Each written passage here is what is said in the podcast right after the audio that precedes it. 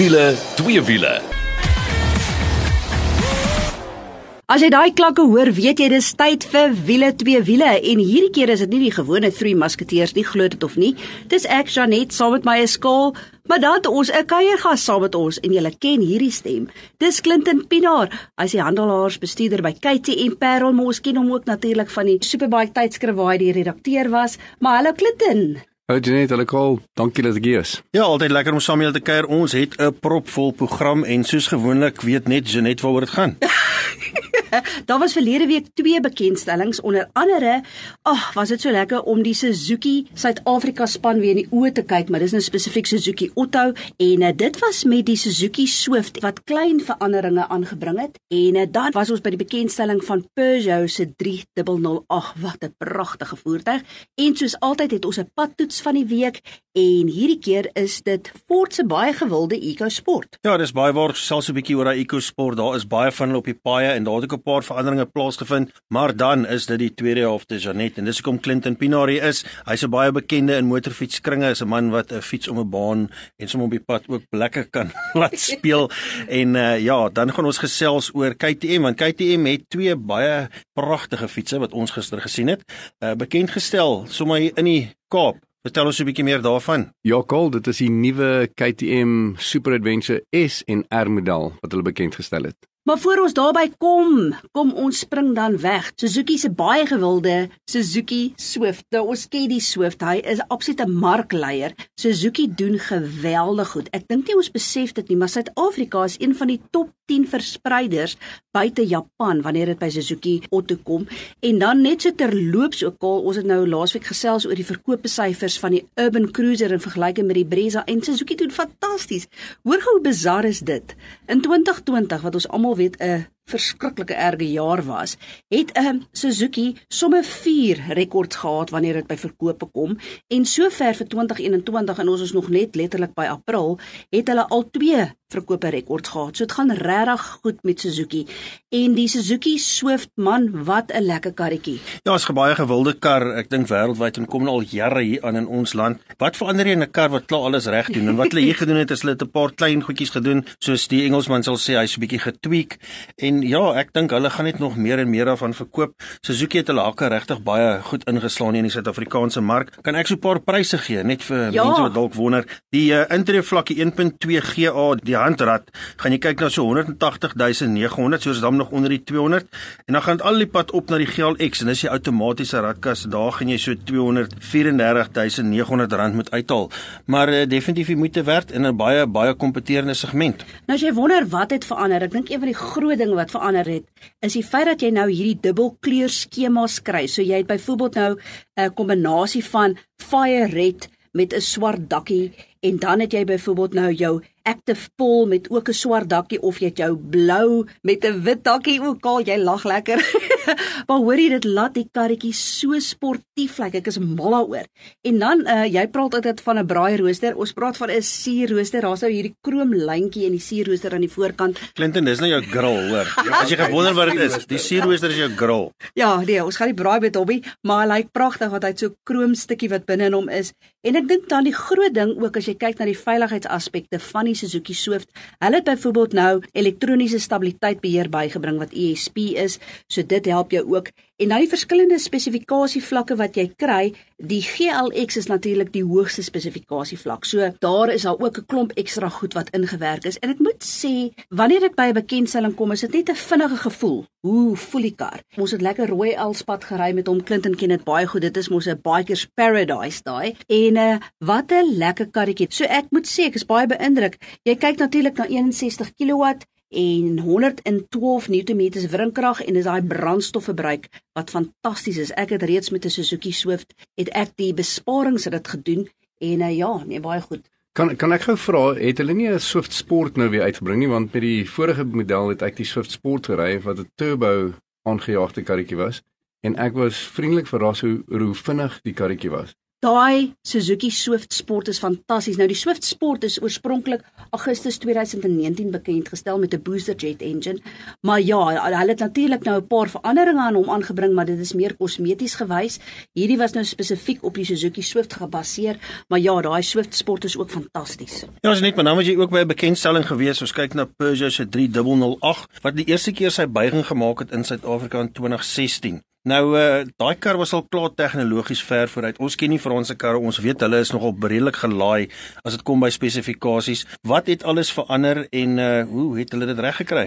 Kyk, Clinton, ek weet nie of jy die 200A gesien het wat in die begin van die jaar bekend gestel is nie, maar Peugeot het heeltemal 'n nuwe strategie wanneer dit by hulle stellering kom, hoe die voertuie lyk lyk fantasties en ek dink dis presies wat hulle met die 3008 ook nou gedoen het. Ehm um, net so terloops, ek weet nie of julle twee manne weet nie, maar hierdie einste 3008 vandat hy bekend gestel is in 2016, het al 67 internasionale toekenninge gekry. Dit is die mooiste voertuig. Ek het altyd hierdie toets wat ek met myself doen of hierdie speletjie waar ek vir myself sê, "Goed, ek ry 'n kar. Ons het nou spesifiek die GT line gery wat absoluut gelaai is. Dis met die hele alfabet."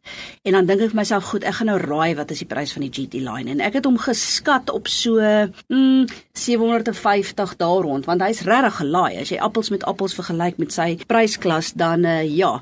En ek was heeltemal verkeerd. Hy's baie goedkoper. Ja, jy kyk na die Active, dit is die intree vlak 1 kry jy vir so 514900 Jy gaan al die pad op na daai GT en Janet vir 644 900. So jy was nie eintlik eens naby met enigiets nie.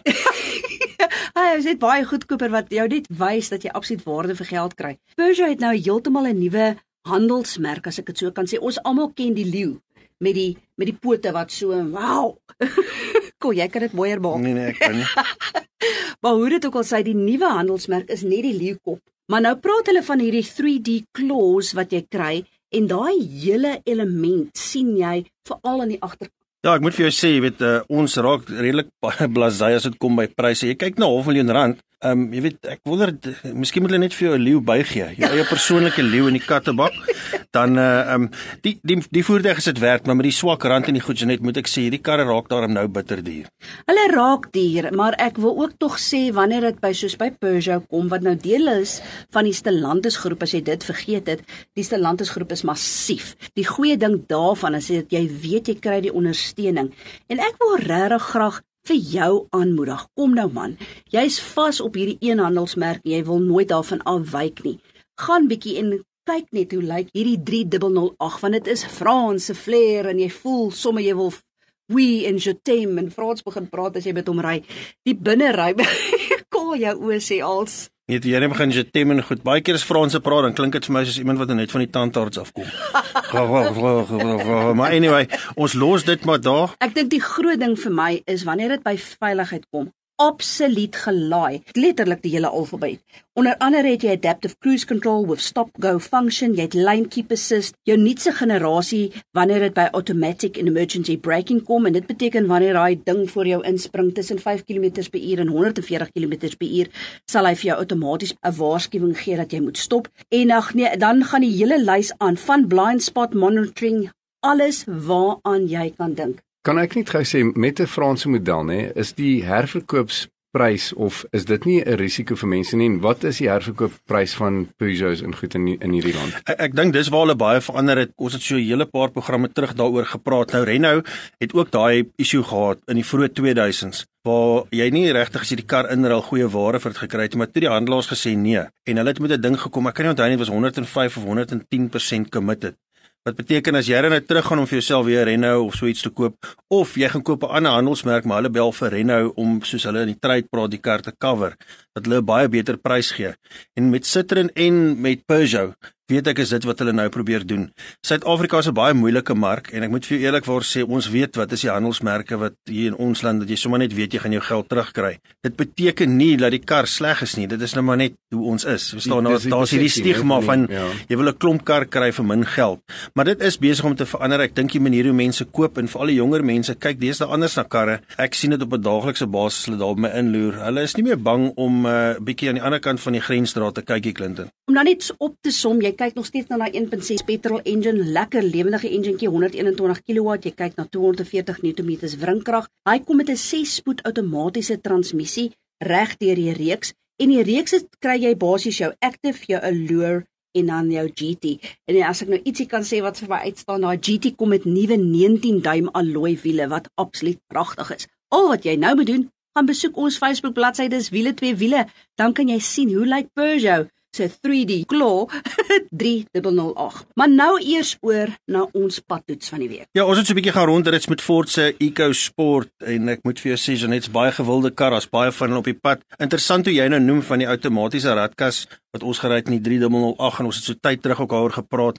Laat uh, ek dink ons het hierdie jaar miskien al een handrad getoets. Die res van die karre was almal outomaties en snaaks genoeg sommer om net met die ehm um, deur in die huis te val. Toe hulle loop kyk het na die mense, jy het mos hierdie filtertjies wat jy insit op die webtuiste uh, wat se radkas jy verkies en so en 72% van die mense het gesê hulle verkies 'n outomatiese radkas. Baie interessant. So dit is presies wat Ford toe begin doen het met hulle 1.5 Ambiente het hulle outomatiese weergawe ingebring. Nou die Ambiente is soos wat ons al sê die intree vlak EcoSport.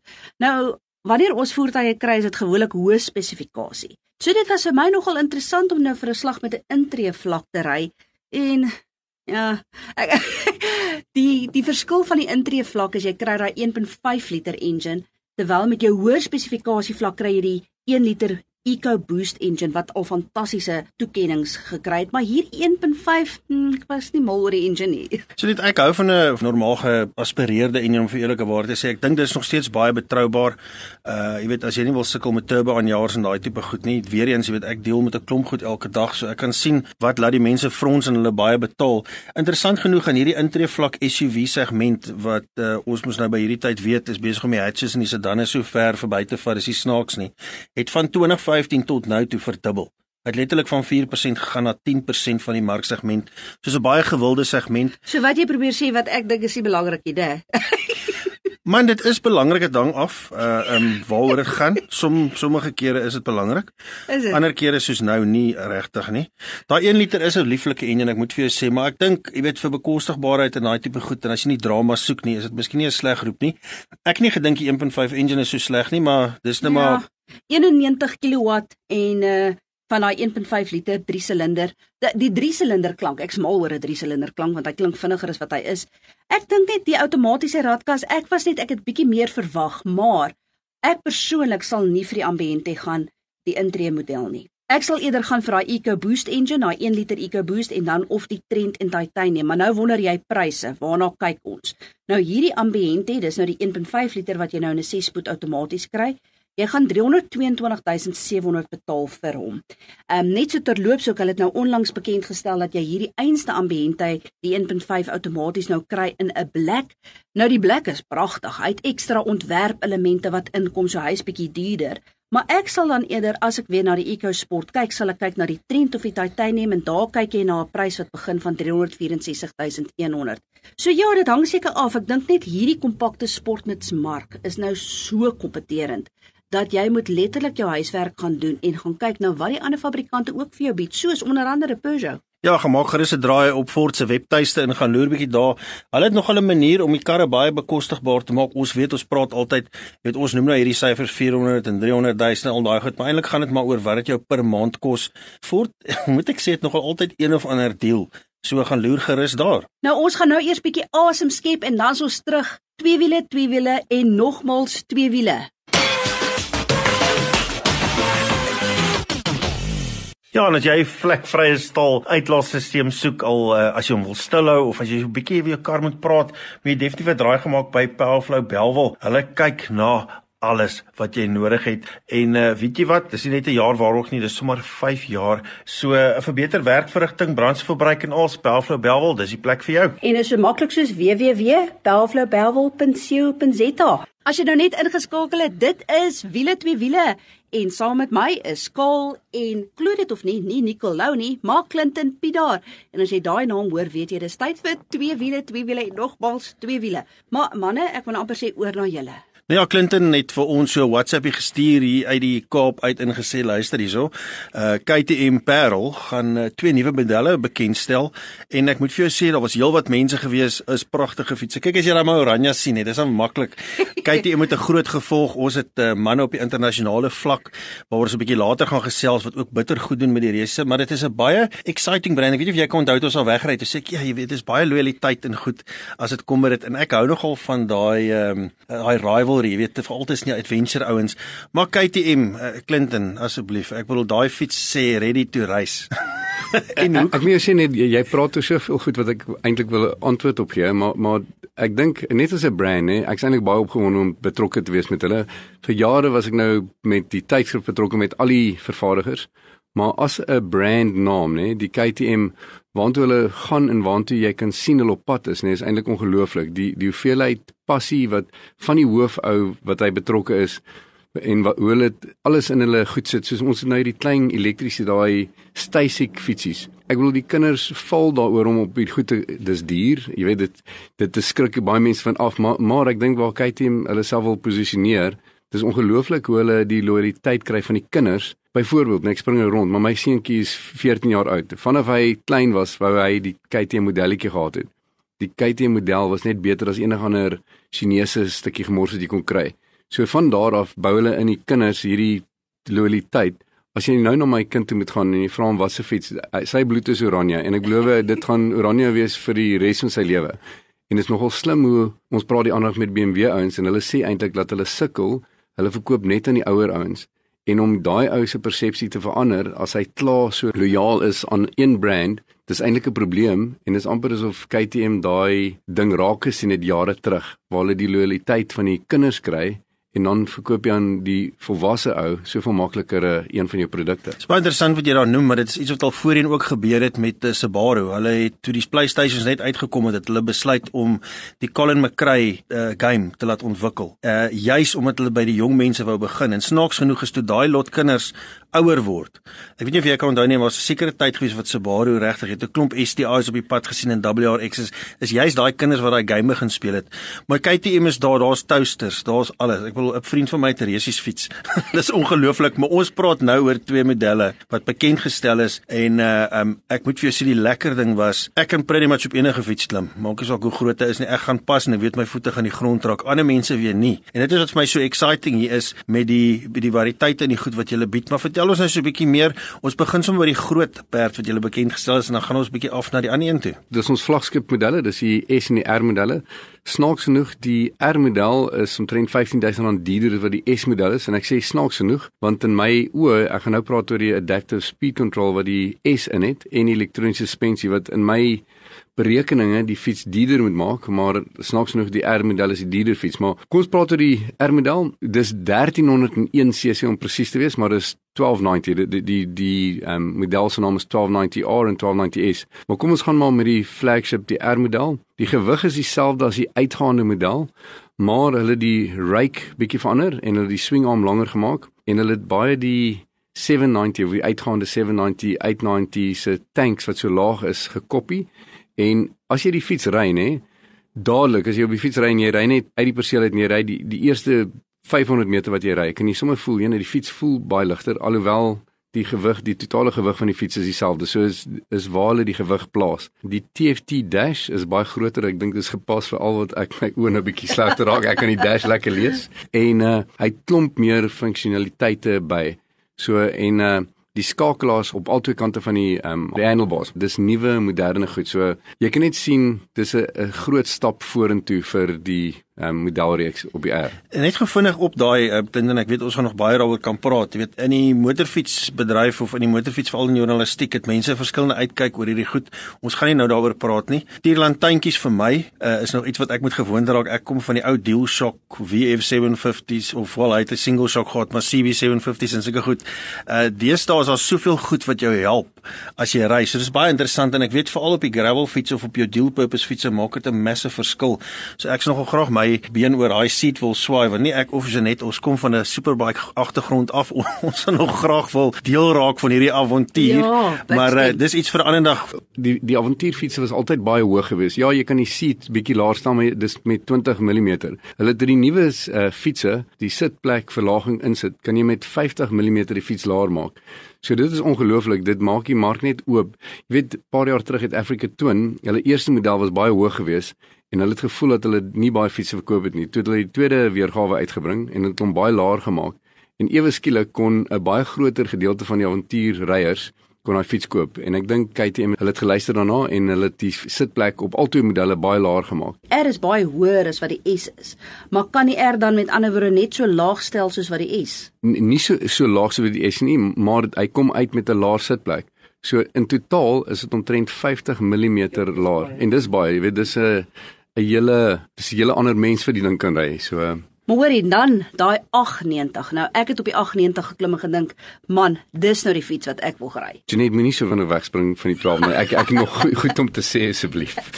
vertel, vertel. Okay, net gou op die S model. Jy weet al die luxe Duitse karre kom uit met die adaptive speed control. Ek het dit nou gery hiernatoe. En dis ongelooflik dat jy dit kan stel tot, tot besekerde spoed en jy kan dit self stel hoe ver jy dit wil hê dit moet die kar voor jou raak. En jy kan dit stel hoe vinnig wil jy die kar moet hy versnel en breek. As jy iemand agter op jou fiets het nee en jy sit hier 'n adaptive speed control die persoon wat agterop sit gaan dink jy's 'n absolute vernuftige ryer want hy's hy's hy laat die fiets stelselmatig um, stadiger gaan maar glad glad. En dan as jy die spoed optel sien jy trek uit. Die manier hoe hy dit um, weer spoed opbou is ongelooflik glad. So vir two up riding, ek dink dit is een van die absolute wonderwerke. Nou ja, Clinton, ehm um, uh, jy het nou vir Janet gesê nie so vinnig en nie so vinnig gesê die uit 90, sy was versot daarop. Ek het op dit geklim dit het my laat voel toe kom optel en ek beweeg om te laat my dink aan my ou XT600, dis 'n baie beter fiets, maar hy's so nimble. 'n Ou maar om lekker kan speel met daai fiets. Ek dink wat wel gebeur is, nê, nee, almal wat bietjie ouer is en wat van avontuur ry en hulle regtig in die avontuur wil gaan ry, die die dae van al hierdie groot 12 en 1300 en selfs ons groot fietsse is te groot en te swaar daarvoor. So as jy as jy op 'n ligter fiets ry, dit is dit is net soveel makliker in om in sand of op 'n tegniese gedeelte te ry met 'n ligter fiets. En jy dink nog steeds heeldag 160 ry as jy nou voel jy moet, jy weet. So die beweging van ouens wat werklik avontuur wil ry is na ligter fietsse en wat nou wel hierdie 890 is. So al wat jy nou moet doen is besoek KTM se webtuiste of lekker as jy in die Kaap omgewing is, gaan maak sommer 'n draai daar by Clinton by KTM Parel. Hy sal presies vir jou wys al daai modelle wat hulle het. En so net terloops, ek wil net aansluit oor wat hy in die begin gesê het. My twee seentjies was eerste versot oor daai klein elektriese motorfietsies wou ook alles daaroor uitvind en natuurlik toe ons buite kom toe staan die 390 en Sian voel as hy 16 is wil hy definitief 'n 390 koop.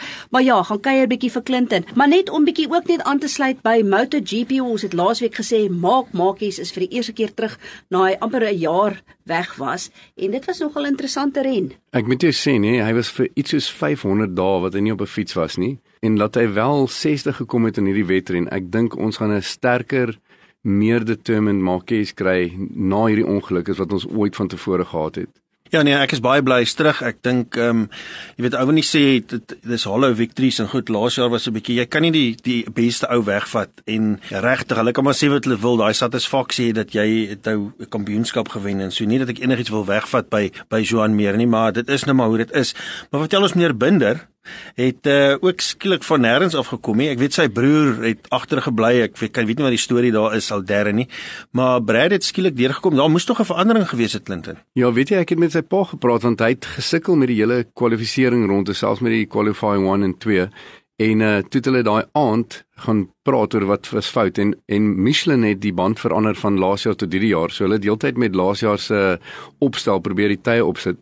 Wat hulle toe gedoen het, hulle die swing arm bietjie langer gemaak en hulle die uh um, suspensie voor verander en ewe skielik het die fiets beter gewerk in in die in die eintlike wedren en hy het meer gevoel gehad met die front end en hy sê hy kon net vinniger en vinniger gaan het. So as hy sy tye net wat hy om die baan gedoen het was dieselfde as wat die ouens voorgedoen het. As hy 'n beter wegspring gehad het, kon hy heel waarskynlik in die top 2, top 3 plekke geëindig het. Nee, ek hoop daai kommunikasie gaan nou verbeter en uh, ons kan nie wag elke Sondag wanneer uh, daai Oranje KTM daar uitgerol word nie. So aangename ou, hy's so humble en ek moet vir jou sê Brad Binder gaan nog ver gaan.